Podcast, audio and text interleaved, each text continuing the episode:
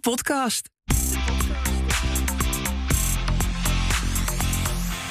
We gaan stoppen. Door de coronacrisis zijn we met een heleboel dingen noodgedwongen gestopt. We zijn minder gaan reizen, werken meer thuis, zijn minder gaan vliegen. Werkt eigenlijk ook prima. Kunnen we deze crisis ook gebruiken om er duurzamer bijvoorbeeld uit te komen? Of is de crisis juist een heel slecht moment om te stoppen? Bedrijven en organisaties willen vaak best wel stoppen, maar het lukt niet. Of in elk geval niet goed en niet op tijd. En dan stoppen we dus pas als het te laat is. Hoe kunnen we nou wel goed stoppen? Nou, daarover gaat deze podcast. Ik ben Meijnerd Schut, maak Stop de podcast samen met Marije van den Berg, stopstratege en schrijver van het boek Stop, Stopstrategie voor organisaties.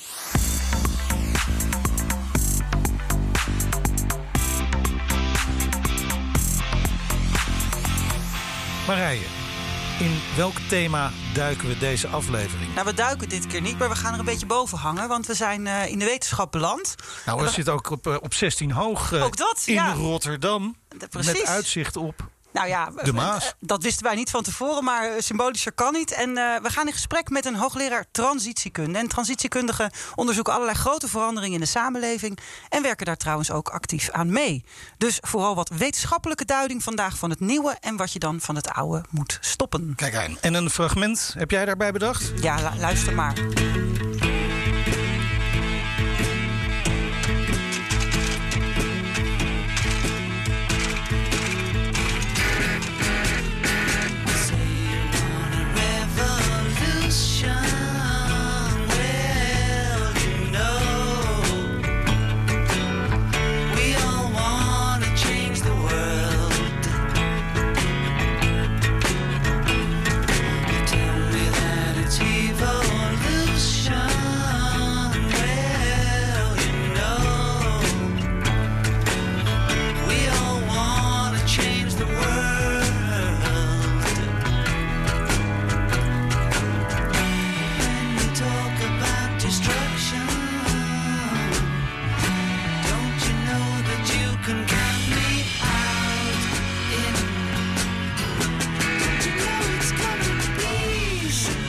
Revolution. Ja. De Beatles. Nou ja, kijk, uh, uh, we zijn uh, bezig met transities en verandering. En ik ben wel heel nieuwsgierig. Dirk Loorbach, hoogleraar ben jij. Maar transities, gaat het eigenlijk altijd over revoluties? Of... eigenlijk wel. We, we, zeggen zelf evolutionaire revoluties, dus dat is weer allebei. maar het is een systeemrevolutie op de lange termijn die je eigenlijk achteraf pas kan constateren. Maar het, alles gaat eigenlijk om. Alleen gaat heel veel gaat sluipenderwijs. En daar gaan we het wel over hebben. Want stoppen is vaak, klinkt abrupt. Uh, maar historische transities gaan juist uh, veel geleidelijker. En eigenlijk bijna zonder dat we het merken. Aha, dus het gaat veel stiekemer uh, allemaal. Nou, dat, dat in het verleden wel. Geleidelijk we... is volgens mij het juiste woord, Marije. ja, nou, nee, stiekem is wel een goeie. Want oh. daar wil ik ook wel iets over zeggen. Heel veel foute stopstrategieën die nu gemaakt worden... Uh, komen van, bij overheden vandaan... die mensen gaan vertellen dat ze met iets gaan stoppen of moeten stoppen. Dat creëert gelijk weerstand.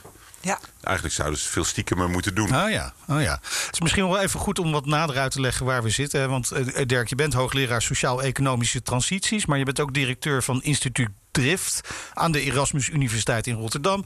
En uh, jullie doen onderzoek naar grote veranderingen, hè? Uh, zoals klimaat, mobiliteit, economie. en kijken in hoeverre daarbij sprake is van echte transities. Dus fundamentele systeemveranderingen, daar gaat het om. Ja, we doen onderzoek naar grote veranderingen in het klein eigenlijk. Want transitie is vooral een idee. Uh, en ik zei het net al, dat kan je pas achteraf zien. Maar je kan heel veel leren vanuit het verleden. En we onderzoeken eigenlijk die transities op, op heel kleinschalig niveau. En hoe ze op de korte termijn uitpakken. Dus in een stad, in een wijk of in een organisatie. Met mensen de vraag stellen: wat is er nou transitie? Waar komt het vandaan? Waar wil je eigenlijk heen? En uiteindelijk, wat betekent dat ook voor wat je niet meer moet doen? Ja, het, is, het is ook vaak een woord dat naar boven komt als we in crisis zitten. Ja, tegelijkertijd ben ik er al twintig jaar mee bezig. Misschien tijd om ermee te stoppen, zou je dan zeggen. en, en, en, Marij heeft nog wel wat advies hoor. Ja, nou, ik ben zo benieuwd om dat te horen. Uh, maar een crisis is uh, eigenlijk onderdeel van een transitie. Ah, ja. Het is eigenlijk een, een schokje uh, op weg naar die grotere... Of, of dat onderdeel is van die grotere systeemverandering. Ecologen noemen het dan vaak tipping points. Er zijn, eh, er zijn incidenten of momenten eh, dat het eh, echt in beweging komt. Ehm, maar dat maakt nog geen transitie, want je kan ook heel goed terugvallen. Het kan oppervlakkig zijn. Voor sommige mensen voelt het als een crisis, maar voor heel veel andere mensen is het eigenlijk niks. Of die, die, die merken het niet eens. Dus zo'n crisis is iets heel tijdelijks, wat pas betekenis krijgt op de langere termijn. En als je dan bijvoorbeeld naar, zo, naar de bankencrisis kijkt, de vorige grote crisis. Duiden jullie dat dan als toen was er een transitie of niet? Mij viel het namelijk op dat er niet, daarna we gewoon weer doorgingen met hoe we dat het al deden. Nou ja, dat, ik heb toen uh, wel artikelen geschreven die gingen dus over: is dit nou een game changer? Dat was toen het jargon. Um, en dat de, uh, transitieonderzoek is eigenlijk dat soort vragen stellen. Want er is vaak een en-en antwoord. Voor een deel ging de financiële uh, sector terug naar business as usual na een aantal jaar. Er werd flink bezuinigd. Er werd allemaal publiek geld gepompt in het financiële systeem. Om, het, om, het te houden. Om, om weer terug te gaan naar het oude. Wat er ook gebeurde, is dat het een uh, dat het heel veel mensen heeft aangezet om met alternatieven aan de gang te gaan. En om na te denken over de kwetsbaarheid van het financiële systeem. Moet die economie niet anders? Dus als je nu kijkt, tien jaar, uh, twaalf jaar later. De hoeveelheid mensen die nadenken over een alternatieve economie. Of dat nou donut heet, of deeleconomie of sociale economie. Maar ook de mogelijkheden die we hebben om zelf economie te maken. Hè, met de digitalisering, met lokale munten. Bitcoins, dat soort dingen. Dus er is er is eigenlijk veel meer alternatief. En wat we achteraf zien is, er was dus een crisis in het systeem. Maar het was eigenlijk terug naar het oude of uh, behoorlijke radicale ineenstorting. Uh, omdat er niet echt een alternatieve optie was. Ja. En die is er nu veel meer. Ja, ja dus we hebben uh, uh, in aflevering 8 ook uh, Willem Schramade gesproken. Ja. die, die noemde jou ook al, dus dat was een mooi toeval. En die zei ook van, we hebben dus nodig in, in dit soort crisis... dat er iets is om naar over te springen. Ja. en, en jullie hebben de, de X-curve uh, ontwikkeld of, uh, of gezien? Of kun je daar, iedereen weet hoe een X eruit ziet, maar kun je daar heel kort de elevator pitch van de X-curve, kun je die eens doen? De X-curve is eigenlijk een kapstok om een verhaal te vertellen. De, je hebt eigenlijk de beweging van linksonder naar rechtsboven, zou ik maar zeggen. Dus het begint altijd klein. Mensen gaan zich afzetten van de norm, komen met een idee, met een nieuwe technologie, een nieuw businessmodel. En dat is aanvankelijk duur en alternatief. Mensen snappen het niet, maar dat wordt goedkoper, beter, minder alternatief. Meer mensen gaan meedoen. En dat kan langzamerhand uh, steeds normaler worden. Zoals totdat het de norm zonnepanelen. Wordt. Nou, dat is het traditioneel nu ja. een mooi voorbeeld. Hè. Dat, dat zie je nu overal. En dat begint eigenlijk normaal te worden. Ja, we je hadden het eigenlijk... eerst alleen maar in ons rekenmachientje. En nu ligt Precies. het op en, en twintig jaar geleden was het, uh, zei iedereen, uh, de experts al, dat wordt enorm goedkoop. Dan gaat iedereen het doen. Je kon je niet voorstellen. Maar nu ben je eigenlijk gek als je er niet in meedoet. Als je eigen huis hebt bijvoorbeeld. Ja. Um, dat is een andere, de andere kant van transitie, die eigenlijk veel interessanter is intellectueel, is de achterkant ervan. En dat is uh, eigenlijk de beweging van linksboven naar rechtsonder. Um, waarbij we eigenlijk met z'n allen zitten in een bestaand patroon. Uh, energiesysteem, mobiliteitssysteem, voedselsysteem. Dat doen we als personen, maar ook als organisaties. Dat noemen wij dan regime. De manier waarop we gewend zijn geraakt dat dingen zijn. Uh, dat loopt eigenlijk steeds meer vast, omdat we steeds meer problemen uh, zien. Omdat mensen denken het moet anders. We proberen het te verbeteren, maar de enige resultaat is dat we het nog ingewikkelder maken. Ja, nog dieper de groef nog in. Nog dieper die, die padafhankelijkheid, zeggen wetenschappers uh, dan, of een lock-in. En dan gaan er crisis optreden. Dus dat is dan voor ons een symptoom dat ah, ja. zo'n regime aan het vastlopen is of destabiliseren. En dat is de voorbode vaak van echte transitie. En wat daarna gebeurt is een periode van chaos... waarin die alternatieven dus door kunnen breken... maar delen van dat regime ook gewoon uh, wegvallen... uitgefaseerd raken, uh, in elkaar storten, dus stoppen. Dus dat stukje van de X, daar... Uh... Dat is eigenlijk rechtsonder, daar ja. zit jij vooral. Dat is het stoppen van dingen, dingen die verdwijnen. Ja. ja. En veranderen dus. En veranderen. En ja, eigenlijk is transitie... Kijk, zo'n X is natuurlijk lekker simpel, daarom werkt die uh, goed het is, zit heel ingewikkeld in elkaar. Want die twee zijden van diezelfde medaille, die communiceren ook met elkaar. Dus eh, mensen die zich eh, vast voelen lopen of tegen grenzen aanzitten, die eh, gaan om zich heen kijken en die gaan dan misschien wel experimenteren. Of die worden misschien door een crisis juist wel aangezet om eens wat anders te gaan proberen. En daar kan, kunnen ze dan aan gaan wennen. En dan kan dus ook op persoonlijk niveau werkt een transitie eigenlijk op die manier. Ja, als je je aandacht ergens anders op richt, dan dan is er dus iets veranderd. Ja, Ehm, en dat, dus het zijn eigenlijk organische processen van verandering. Alleen omdat we er nu met z'n allen zo bewust mee bezig zijn met die transities, ontstaat een heel raar mechanisme. Want we anticiperen eigenlijk op stoppen. En op die onzekerheid die eh, ja, eigenlijk wat verder in de toekomst ligt. En dat creëert weerstand. Want dan gaan we, daar gaan we, dat willen we natuurlijk niet. Nee. We zitten erin vast en we hebben erin geïnvesteerd. Of we zijn er al mee bezig. Ehm, nou, je beschrijft in je boeken ook, ook al die mechanismen. Je zit erin. Dus Hij heeft hem gelezen, maar Ja, ja, ja, ja, ik zit hier helemaal te glimmen natuurlijk. Dit kan ik aan mijn moeder vertellen. Ja, Ja, eh, zeker. Nou ja, ik, ik zat even vooral te controleren of ik er al in stond. Nee hoor, een geintje. Ik vond het, eh, want ik, het, is, het is ook een eh, enorme herkenbaar hoe je het beschrijft. Tegelijkertijd, wij, wij passen dat dus toe op systemen. ja. Dus op maatschappelijke processen. En die zitten net wel weer wat anders in elkaar dan organisaties of eh, personen. Ja, hoewel er staan hier op tafel staan matroska-poppetjes. eh, Nou, eh, tafel, eh, tafel. nou ja, op de vliegtuigvleugel. Ja. Ja. maar dat is niet uit te leggen op Het de is een, radio. een vriend van mij heeft het gemaakt. Dit heet de Flat Earth Table. Maar hij is gemaakt van een vliegtuigromp, inderdaad. Ehm, en hij heeft, eh, geloof ik, 5 miljoen kilometer door de lucht afgelegd. Dus het is een enorme CO2-erfenis. Ehm, maar hij is rond, inderdaad. Ja. Ja, ja. is. Heel, eh, eh, Vandaar de Ja. Flat Earth Ja, eh, table. Alles op deze tafel is in, in, in, in disbalans, in transitie. eh. Maar er staan dus ook matroska-poppetjes. En eh, dat fascineert mij wel, want matroska's zijn zo mooi dat eh, in het klein past het in het groot. Dus jij zegt systeemtransities zijn anders dan organisaties. Maar past het wel in elkaar of heeft, zijn het echt andere mechanismen? Eh, nou, het mooie is dus dat, dat die onderliggende mechanismen en patronen eigenlijk dezelfde zijn. En die vangen we in zo'n X-curve. Dat is een simpel eh, modelletje, maar daar, valt veel, daar zit allerlei theorie achter. De, complexe eh, systeemtheorie heet dat veld. En dan kijk je eigenlijk naar de onderliggende patronen en mechanismen van die transitie.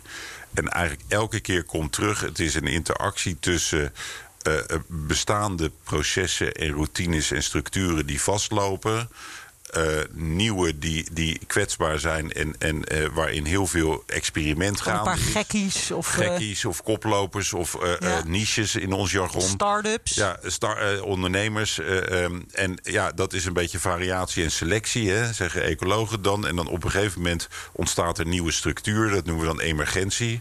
Dus niet dat iemand dat bedacht heeft, maar uiteindelijk kun je nu gewoon eh, standaard zonnepanelen eh, bestellen. Er, zijn, er is een hele sector met erkende installateurs die dat op je dak eh, komen leggen. Daar is een businessmodel achter. Er zijn afspraken met de energiebedrijven. Dus er is een markt ontstaan. Ja, en dan heb je eigenlijk nieuw regime. Ja.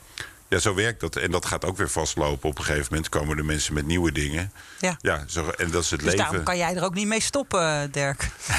Eh, nee, maar dan, eh, als je zo evolutionair gaat denken... dan eh, is het eigenlijk net als in de natuur... heb je altijd groei en krimp. Je hebt ook een winter nodig om weer een lente te krijgen. Ja, dus Ja. we stoppen eigenlijk de hele tijd met dingen. Ja. Het is eigenlijk heel natuurlijk. Ja, alleen jij zei in het begin al, dat doen we niet heel expliciet. Maar we zien het nu wel expliciet. En dat heeft allerlei eh, consequenties. Ja, en wij kijken bij Drift dan vooral naar die duurzaamheidstransities. Dat is zowel voor ons zowel ecologisch als sociaal. Dus het gaat ook over rechtvaardigheid en, en eh, ongelijkheid.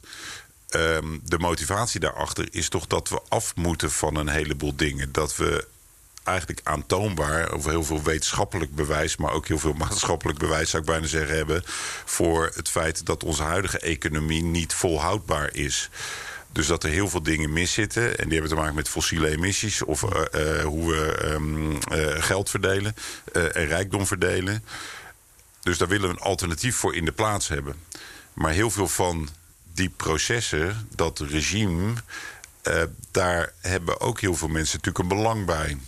Of dat is- is, ja, dus bij transitie is heel veel te verliezen. Ja, Het gaat om transitie, het gaat dus om verandering. Met uiteindelijk eh, het feit dat we ergens mee stoppen. Eh, verandering, Daar weten ze bij onze sponsor. Ja, ik maak even een mooi bruggetje hoor. Marije, maar dat moet ook even. Oh ja, die moet er ook nog even ja, in. Ja. Bij onze sponsor, JB Lorens, weten ze alles van verandering. Ja, en ze weten ook dat je op het moment dat je verandert, dat je dat moet doen op basis van de juiste feiten. En goed moet kijken wat er aan de hand is. En die experts zijn er heel goed in om in kaart te brengen. Wat moet je nou allemaal meewegen om goede verandering voor elkaar te krijgen? Bijvoorbeeld bij maatschappelijke complexe processen.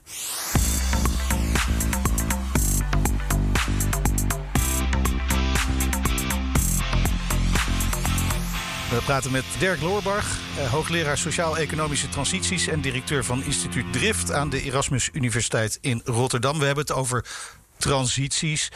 Eh, we hebben het over uiteindelijk dus stoppen. Maar dat stoppen is dus, zeg jij, vat ik even simpel samen, het uiteindelijke effect van die transitie. Ja, eigenlijk is het een uitkomst ervan. Er wordt natuurlijk op heel veel niveaus wel bewust gestopt. Ehm, maar als je uitzoomt, dan is het, is het veel meer een proces van eh, langzamerhand overgaan naar nieuwe dingen. Waar eh, het bijeffect van is dat je eh, bepaalde dingen dus niet meer doet. Hè, we gaan nu niet meer met paard en wagen naar ons werk, maar we gaan met auto's. Dat is een historisch voorbeeld. En steeds meer mensen gaan nu met de fiets naar hun werk. En eh, er is iets nieuws voor in de plaats gekomen. Dus een van de interessante discussies die we hier ook bij, binnen Drift hebben... is wat zijn nou goede uitfaseerstrategieën? En ja, Eigenlijk het goed stoppen dus. het goed stoppen. En, en eigenlijk zoeken wij dan veel meer in het goed beginnen van iets nieuws wat beter is. Ja. Ehm, als we naar historische transities kijken, dan zijn we vooral met dingen gestopt omdat er iets beters voor in de plaats kwam. Ja. En dan is de weerstand eigenlijk heel beperkt. Want ja, dan komt er iets beters voor in de plaats. Maar wat ik nu wel zie, want ik, ben, ik loop veel rond ook in die bewonersinitiatievenwereld. Ehm, hoe lang moet je het volhouden als ehm, innovator, als eh, gekkie, als eh, eh, koploper? Want voordat. En er zit toch ook wel een, een, een hele hoop vermoeidheid in mensen die zeggen: er is al een beter alternatief. Hoe vaak moeten we het nou nog uitleggen? Dus er is toch ook wel iets wat, ja, wat opgeruimd zou kunnen worden om dat te versnellen. Nou, die, die frustratie deel ik heel, heel erg. Ehm, en, en dat is een dilemma waar we continu tegenaan lopen in transities. Dat de niche, de, de alternatieven die we nu eh, voor hoe we de economie hebben ingericht en hoe we beleid hebben ingericht, hoe we besluiten eh, nemen als samenleving. De alternatieven daarvoor die zijn eigenlijk veel socialer van aard dan eh, de historische alternatieven, die vaak technologisch van aard waren. Dus dan heb je nieuwe technologie, dan kan je iets beter doen.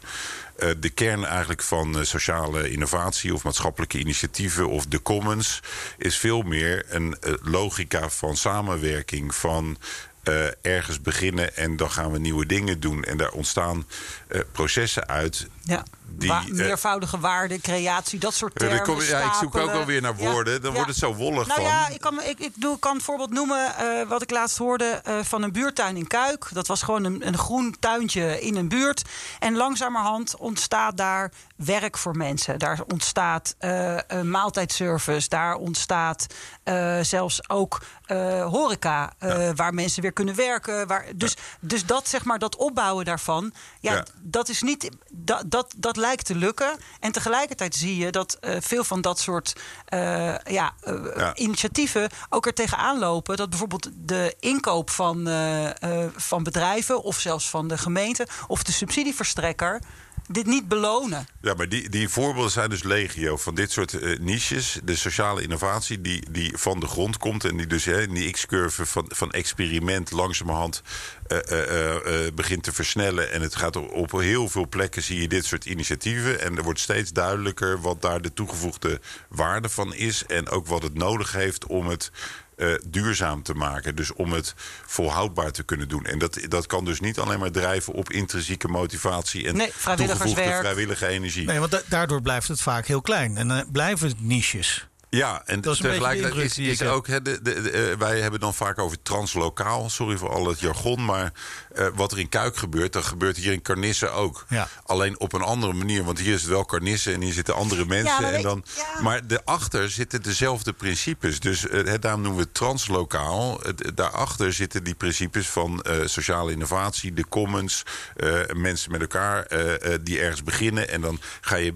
En het, ja, waar wij heel erg mee bezig zijn, is dat botst heel erg met de dominante logica die bij beleid uh, uh, zit of die bij de markt zit.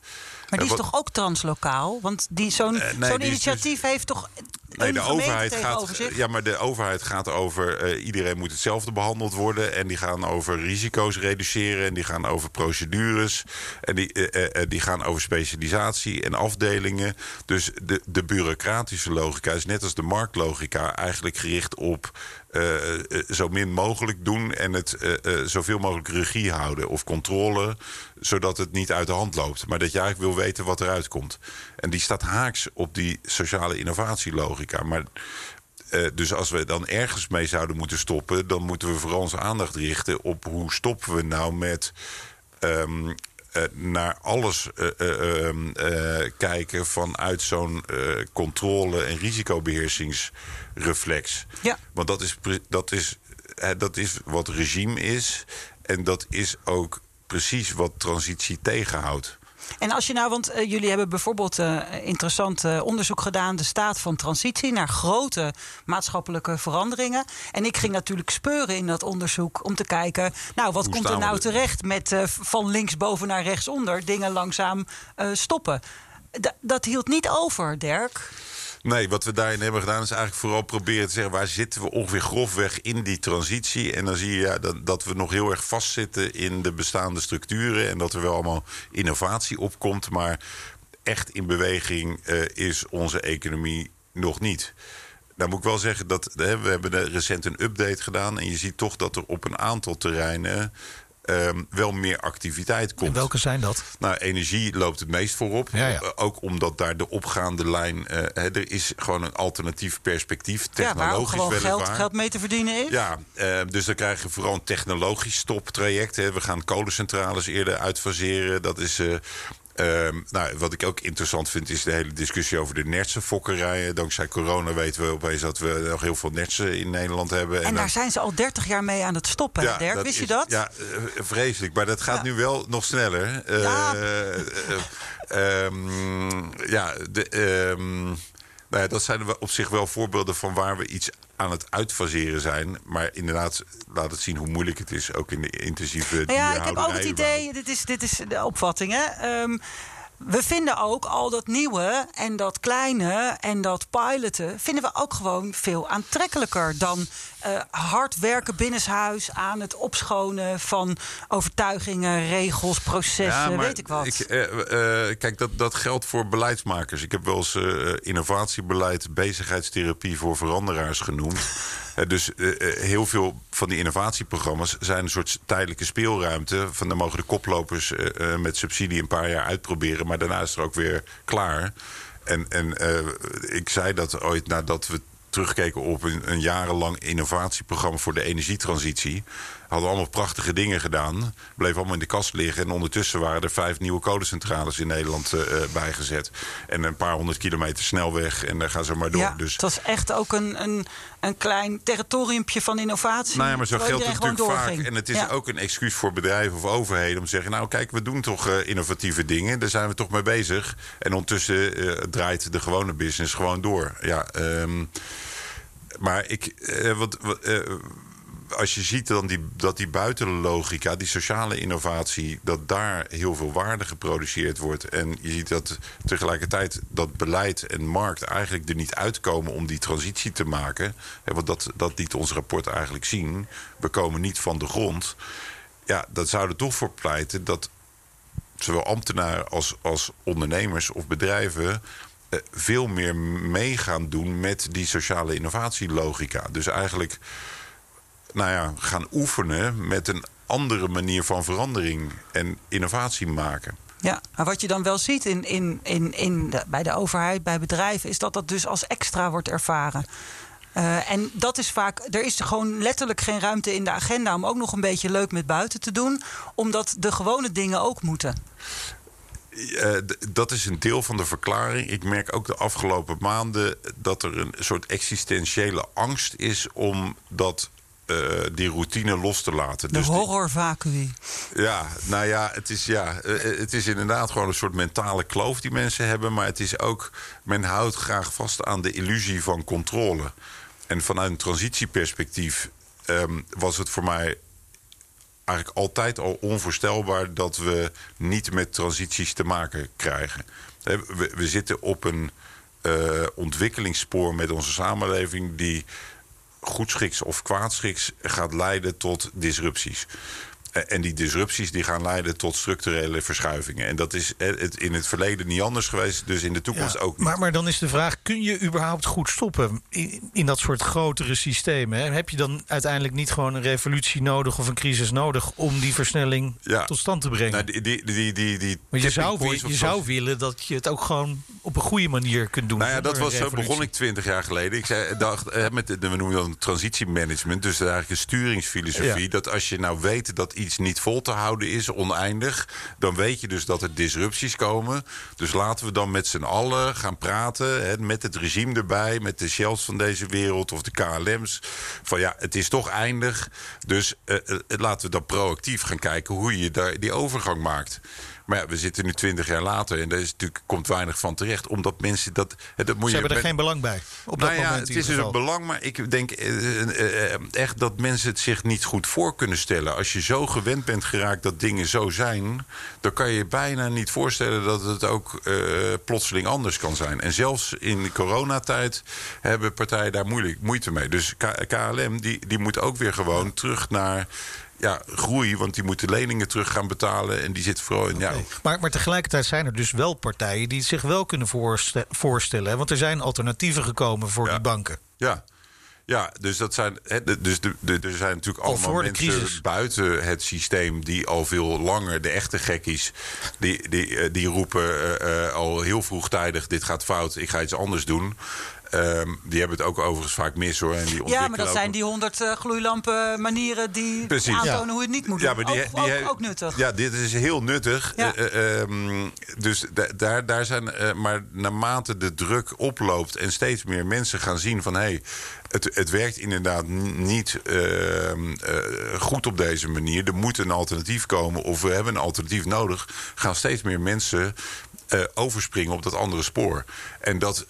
Eh, verergert weer de, de destabilisatie van dat regime. En dat is een soort interessant en is psychologisch het dan ook, proces. want, want jij bent een wetenschapper, dus jij kijkt naar die transities. Maar ehm, vind jij het ook de taak van de wetenschap om, om dat, die ontmaskering te doen? Dus om te laten zien, dit spoor werkt niet. Of Ja, dat is, dat is denk ik onze hoofdtaak. Eh, doen ze dat goed? eh, nee. Nee, want dat, is, dat wordt wetenschappelijk gezien vaak normatief gevonden.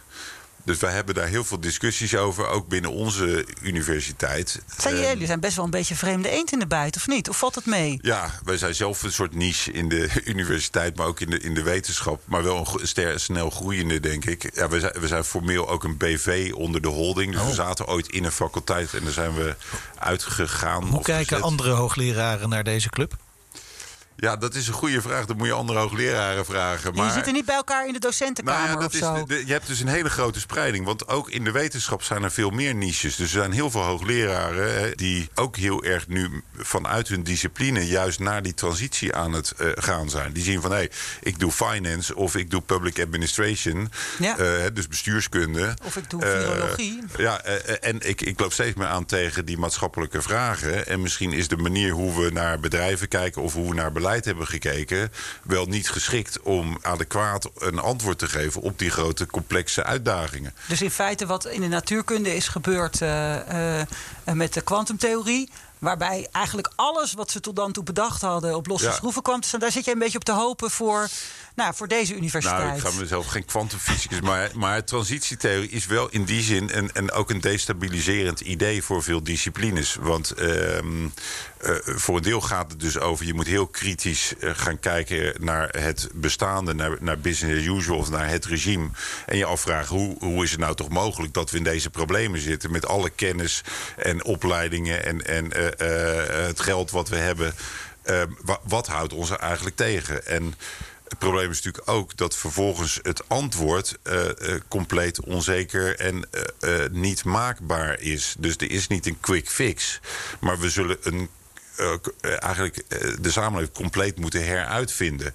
En ook in het hele kennissysteem is dat niet een, een, een gedachte die nou ja, die, die al heel breed. ehm, eh, Nee, want we zijn toch gewend om dat heel is- lineair eh nou ja, aan we te bestuderen, Ja. in de kenniswereld, je bestudeert iets, je beschrijft het en dan eh, ontwikkel je inzichten en dan formuleer je aanbevelingen of een oplossing en die gooi je dan over de schutting. Eh, van 16 hoog gooi je die naar buiten Ja. en dan eh, staat daar een beleidsmaker en die, nou, die, Die doet zegt, daar eh, iets ik heb mee. hier mijn smetteloze route naar dat prachtige einddoel. nou, die ga nou, ik ja, uitvoeren. precies. Ja. Maar ja, zo werkt het. Ja, nou ja, dus zo, zo denken mensen dus dat, nog steeds wel dat het werkt. Ja, en we weten steeds meer dat het, dat het anders moet. Maar hoe dan?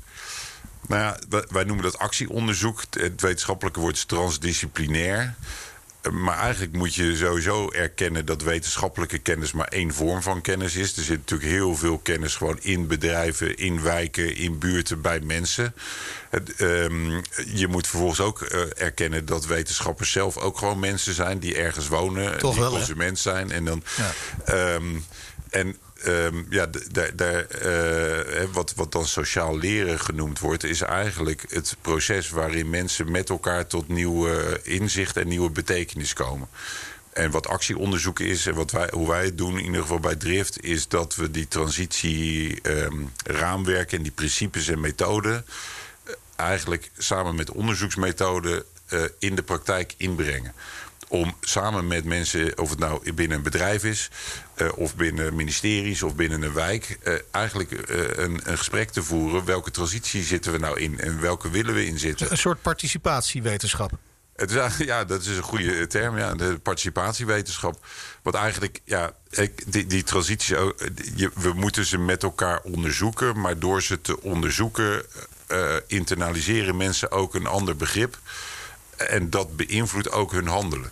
Dus doordat ze andere mogelijkheden gaan zien en een nieuw perspectief krijgen. En niet alleen maar zitten van er is een probleem, ik moet stoppen of ik moet veranderen of niet. Of eh, gaan ze eigenlijk wennen aan een ander soort manier van denken en eh, handelen. En dan is het bijeffect weer dat ze stoppen met oud gedrag. Dat, is heel, dat, dat vind ik heel, eh, heel hoopvol. Want eh, in dat aspect afleren, wat dus iets anders is dan afschaffen, daar zit ook heel erg dat je geduld moet hebben met elkaar. Dat het Ja. nog even wat langer duurt. Dat niet iedereen het in hetzelfde tempo kan. Ja. Zit dat ook in jullie onderzoek? Dus Ja. een beetje meer de langere lijnen. En, Dat is wel ehm, een, discussie die we ook binnen onze hebben. Dus wij hebben ons van oudsher richten we ons een beetje op degene die al in beweging zijn of die al eh, zelf tegen grenzen aanlopen en zich afvragen: kan het niet anders of moet ja, het dus niet die in feite op die, op die curve van linksonder naar rechtsboven zitten. Ja, of, of juist eh, ehm, hè, van, van linksboven naar rechtsonder Oh, aan tegen, het knabbelen tegen aan, zijn. het, aan het, Ja. en de Ja, frustratie. ja, Maar op de niche ja. dus eigenlijk. Ja, nou ja, die, die in ieder geval transitierijp zijn. Ja, Of inderdaad, eh, want ja, Het inderdaad, de niches in het regime. Ze hebben, à la de Matrix, hebben ze die goede pil al geslikt, nou, zeg maar. eh, eh, ze willen in ieder geval een pil. Ja, dat is. eh, nou, ik de goede is, is nog de vraag. Ehm, Ja. ja. dat moet je dan nog maar ontdekken. Ja, want het is ook een soort onzeker proces wat je dan ingaat. Want je weet niet goed wat, wat, wat er uitkomt. En, en dus voor heel veel mensen is het of nog helemaal niet aan de orde... of is het nog iets angstig.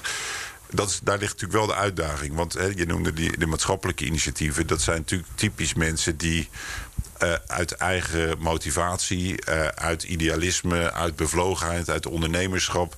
Dus om de een of andere reden al eh, die sprong hebben gewaagd. Ehm, ja, hoe creëer je nou omgevingen voor mensen om op een toch een veilige manier eh, met kleine stapjes ook eh, die sprong te volgen? Ja. Ik moet toch steeds aan de politiek denken, ook hierbij. Hè? Dat, de, de, overheid kan hier sturing aan geven. Dan ben ik, ik denk, ik Dat kan doen ze niet echt natuurlijk. Nou, dat weet ik niet. Maar jij onderzoekt het. En Ja. we, zien, we zien toch die partijprogramma's. Er komen weer verkiezingen aan. We zien ze wel veranderen. Ja, We zien bijvoorbeeld, om maar even eh, veel besproken, de VVD opschuiven. ja. eh, dat, Naar ik zie allerlei ook- kanten. Ik, eh, ik, ik zie ze ook schu- schuiven. Ja, de- de- maar wat, wat mij vooral frustreert is dat ze vrij reactief opschuiven. En, en ehm, eigenlijk niet vanuit een soort lange termijn eh, richting. En ze hebben wel lange termijn doelen. Die worden, hè, er wordt een klimaatakkoord, om eens wat te noemen. Of eh, ze roepen dan circulaire economie. De de, de eh, inclusiviteit of eh armoede. De goede woorden worden gebezigd. De goede woorden worden gebezigd, maar de invulling is nog steeds heel erg vanuit een soort partijpolitieke en vanuit een incrementele eh, opvatting. En incrementeel, dat betekent vanuit het bestaande geredeneerd. Ja. Eigenlijk, hoe kunnen we stapjes naar voren maken? En eigenlijk wat je wil en waar ook de meeste inspiratie uh, uitkomt als je naar historische transities uh, kijkt, zijn politici die een beeld schetsen over waar we uit moeten komen. Visie. Een visie, ja. En dat is uh, heel vies woord. Jullie kijken er ook gelijk nee, vies bij. Ik, moet, ik moet daarom lachen, omdat ik het uh, in mijn boek ook heb over visieverslaving. Uh, waarbij soms ook de, de wens om toch maar weer een visie te maken ook weer in de weg zit. Ja. Een, een collega van mij noemt dat analysis to paralysis. Ja. Dus dat je niet Nou, in beweging komt omdat er geen nieuwe visie is. Ja, nou ja, op macroniveau is een transitie eigenlijk een proces waarbij een samenleving gaandeweg het eens wordt dat er een fundamenteel probleem is. En dat er dan gaandeweg een, een, richting uitkristalliseert. Bij energietransitie zijn we daar. Daar hebben we nu een soort van. Alleen zijn we, weten we wel duurzame energie. Met allemaal technologieën. Welke mix en welke snelheid is dan nog een discussie. En ook Binnen omdat- de technocratie kunnen we het zo oplossen. nou ja, wat ik meer wil zeggen is... er is een soort richting en die, die eh, creëert ook een onvermijdelijkheid op de korte termijn. Namelijk dat eh, investeringen gaan schuiven, mensen gaan hun eh, de, handelen aanpassen. Dus op de korte termijn heeft dat enorme eff- effecten... en hangt dat ook nauw met elkaar samen. Kijk, als je rationeel visie gaat ontwikkelen... dat is vaak ook weer een excuus om, om iets te externaliseren... Eh, op maatschappelijk niveau is wel het als er echt een nieuw gesprek ontstaat en een nieuw verhaal. Ehm, wat echt breed gedeeld wordt, dan is dat een heel belangrijke indicator dat de transitie een volgende fase ingaat. Ja, dus dat gaat in feite over visie in de platte zin van we hebben met elkaar een gemeenschappelijke kijk op de zaak. Ja. En als die verandert, heb je vanuit een ander perspectief Ja. ben je er naar aan het kijken. Ja, en dat is eigenlijk, hè, wetenschappers zeggen dan discours. Het is, eh, eh, je hebt een gedeelde taal en een eh, gedeelde woordenschat. En die hebben we nu nog niet. Hè. Dan gaat het toch weer over een groeifonds. En wat bedoelen we is toch weer economische groei. Ehm, eh, in in eh, VN-verband ben ik eh, betrokken bij allerlei biodiversiteitsdiscussies. En daar proberen we het woord nature positive te, te pluggen. De- Een, een nature positive economy. Dus ja, eigenlijk ecopositief. ecopositief. Dus Ja. eigenlijk het idee, eh, alles wat je economisch doet, moet goed zijn voor mensen en Ja, natuur. precies. Ja. En dat is een heel bazaal idee, wat je heel concreet kan maken op de korte termijn. Ehm, dus je kan het eigenlijk op alles toepassen. Nou, dat, ja, dus zo'n soort beweging zouden Ja. we moeten hebben. Dan krijg je Ja. een soort nieuwe wederopbouwgedachte. En maar jij, dan- en jij vertelt eigenlijk, of eigenlijk, jij vertelt ehm, die, dat op, op, op hoger en die systeemniveau stoppen met dingen. Heeft echt een, een alternatief nodig om naartoe over te springen. Je kunt niet, een, niet geen systeem hebben. Nee, mensen hebben gewoon systeem nodig. En het is ook fijn om systeem te hebben. Want anders eh, zouden we alles allemaal zelf moeten doen. Eh, eh, dus dus een samenleving bestaat bij de gratie van systeem. Het maakt het leven draaglijk. Eh, eh, Ja. je, kan er, je kan er je vakantie op plannen, bij wijze van spreken. dus het, we hebben, je hebt dus een soort van stabiliteit en voorspelbaarheid nodig. Ja, maar Ja. het doet me ook wel heel erg denken weer aan de modellen van Willem Schamade. Ja, Hè, die- het- waar, waar wel rendement in gemeten wordt, maar niet eh, sociale impact of Nee. klimaatimpact. Nee, en dat is, eh, we redeneren dus heel erg vanuit het bestaande vaak. Ja. En dan blijven we naar voren En daar, kijken. daar plakken we iets bovenop. En dan plakken we iets bovenop. En dat, dat is die padafhankelijkheid. Dus dan maak je het ingewikkelder, complexer. En, dan, eh, dan, en ja, dat loopt vroeg of laat dood. Maar dan overkomt dat stoppen je dus. En dat beschrijf je ook in je boek. Dan, dan is het eh, een soort crisis met heel veel schade. ja. En eigenlijk wil, en dat vind ik dat de politiek eh, eh, veel meer zou moeten omarmen. De mogelijkheid van dat. Eh, Eigenlijk die, die, die schoksgewijze systeemverandering die je overkomt. Dus we lopen met de BV Nederland gewoon een enorm financieel probleem. Als we maar door snelwegen blijven bouwen, investeren in fossiele eh, eh, uitbouw, in de intensieve eh, veehouderij, in de lucht houden. Dus daar moeten uitfaseerplannen voor komen die ook serieus zijn.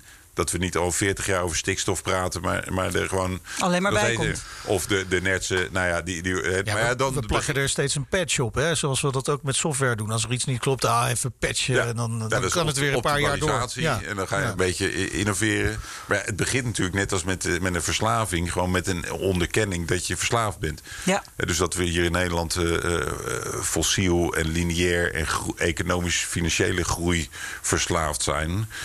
Ja, daar zijn een heleboel mensen nog niet uit om dat te erkennen. Dus dan, dan ben je ook nog ver weg van stoppen. Ja.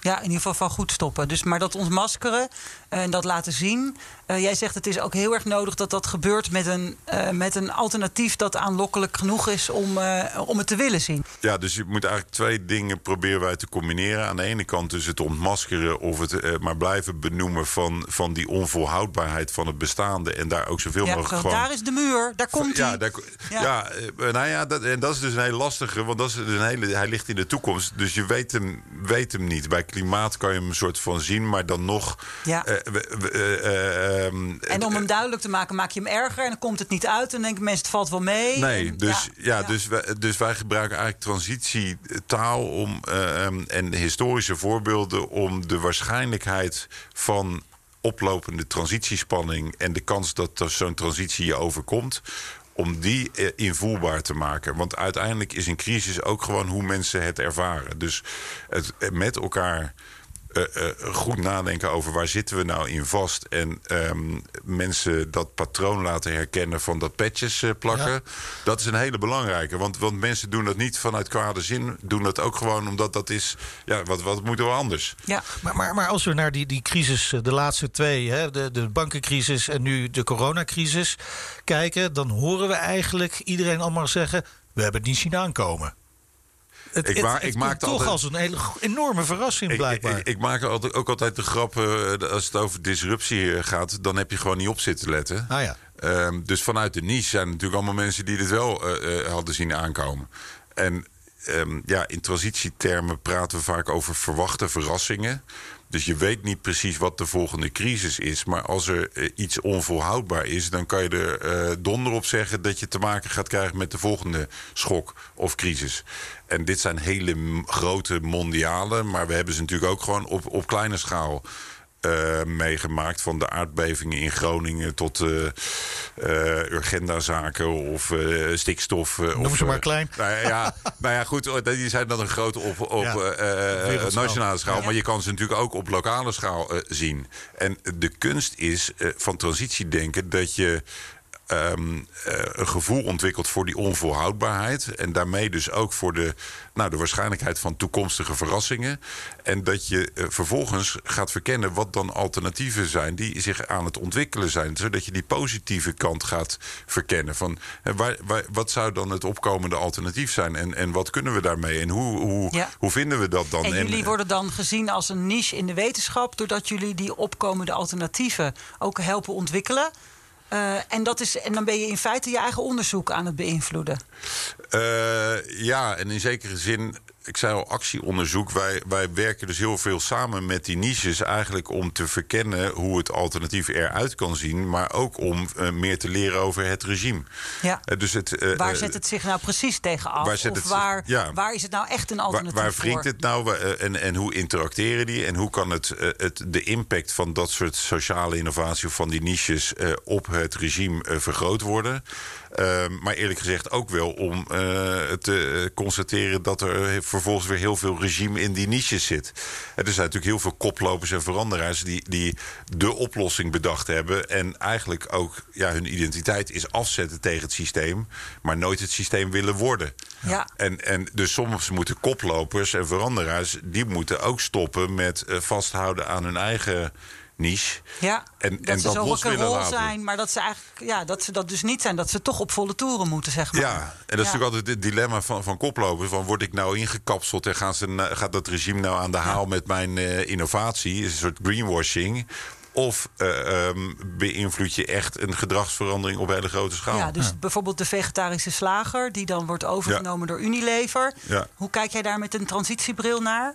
Uh, optimistisch, want ik denk dat is uh, onderdeel van een veel grotere verandering in, in uh, denken over wat we eten en hoe we dat eten. En het zou alleen gepaard moeten gaan met heel veel andere innovaties ook. En daar zou een overheid uh, dus op, op heel veel manieren een, een veel faciliterende rol in moeten uh, spelen. En wat we moeten mondiaal gewoon naar een, een uh, dieet wat bestaat voor 80% uit, uit plantaardige eiwitten bestaat. Ja, en dan hoeven we het niet te merken in de smaak, maar dat zou wel moeten. Faciliterend, zeg jij. En dus niet afbrekend of stoppend of verbiedend? Nou ja, de, kijk, de transitie faciliteren betekent ook heel proactief uitfaseren. En okay. we hebben net een, een heel mooi uh, rapport over sturing in transitie gemaakt. En, en je ziet hè, de, de- de- met de School eh, voor Openbaar Bestuur, de NSOB...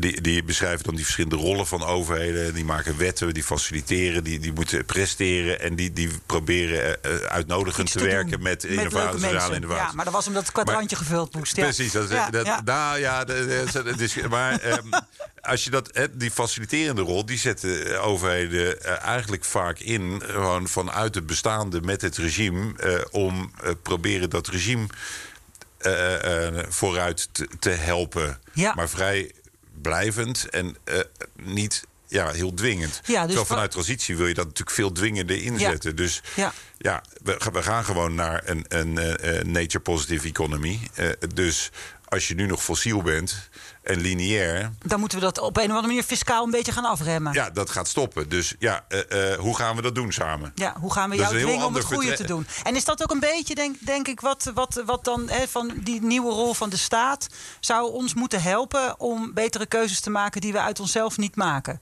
Eh, de- de- de- ik denk het wel. En dat is natuurlijk wel de grotere beweging die je terugziet. De, de staat komt weer terug. ja. Die moet context creëren waarbinnen we de juiste keuzes maken. En dat, dat is inderdaad griezelig. Dat vinden, zijn we allemaal griezelig gaan vinden. Maar we weten wetenschappelijk ook gewoon dat het een heel gezond dieet is. Dat eh, schone lucht en meer fietsen in de stad en meer groen... dat het gewoon op alle manieren beter voor, voor eh, mensen is.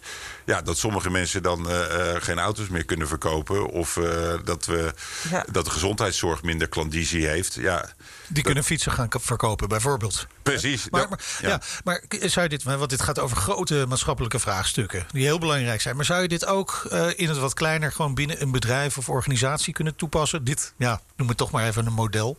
Ja, wij, wij, wij noemen het dan eh, bedrijfstransitie natuurlijk weer. Ja. Ehm, maar eigenlijk is het het cultiveren van eh, niches binnen je eigen organisatie. En eigenlijk ehm, gebruik zo'n eh, transitieperspectief om te reflecteren op je eigen padafhankelijkheden en lok in waar zit je nou in vast en hoe kwetsbaar eh, is die, eh, zijn die markten of die ketens eh, of die business waar, waar je in zit op termijn.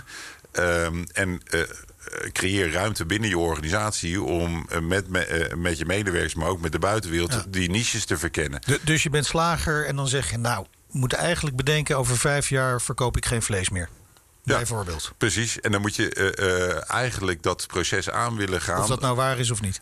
Eh, alleen al als denkoefening eh, creëert dat innovatieruimte. Mentaal ehm, eh, ga je op zoek naar nieuwe mensen. Dus je gaat dus buiten je eigen kringetje en met je eigen ketenpartners praten.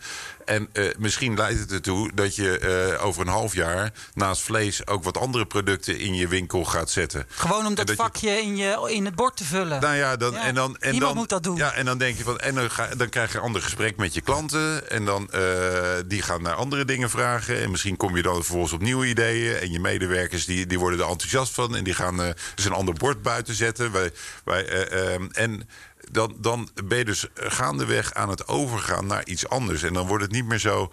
eh, ehm, eh, het moet van vandaag op morgen anders of stoppen. Maar dan ben je eigenlijk aan het stoppen doordat je iets nieuws aan het ontwikkelen bent. En daar krijg je heel veel energie van. Ja, dat wou ik zeggen. Het voelt als heel energierijk. Ja, En leuk. Ondernemend Leuk ook. En doen. leuk. En nieuwe kansen. Het is eigenlijk en, eh, ondernemerschap. Maar heel veel bedrijven en overheden die kunnen dat niet. zo. Die kunnen dat leren van ondernemende bewoners en sociaal ondernemers. Kijk.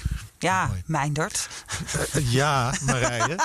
Eh, je moet ook weten wanneer je moet ophouden. Ja, En dat dat, gaan we nu zeker doen. gaan we nu doen. Dankjewel Dirk Loorbarg, hoogleraar Sociaal-Economische Transitie... en directeur van het instituut Drift aan de Erasmus Universiteit in Rotterdam.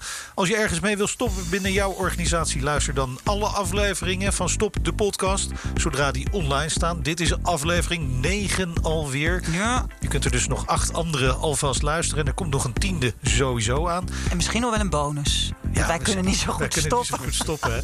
Luisteren kan wel via de app van BNR... of gewoon via jouw favoriete podcastkanaal. Daar kan je je dan ook abonneren en dan komt die automatisch in je podcast. Zullen we ermee stoppen, Mijndert? Laten we dat doen, is verstandig. Kijk.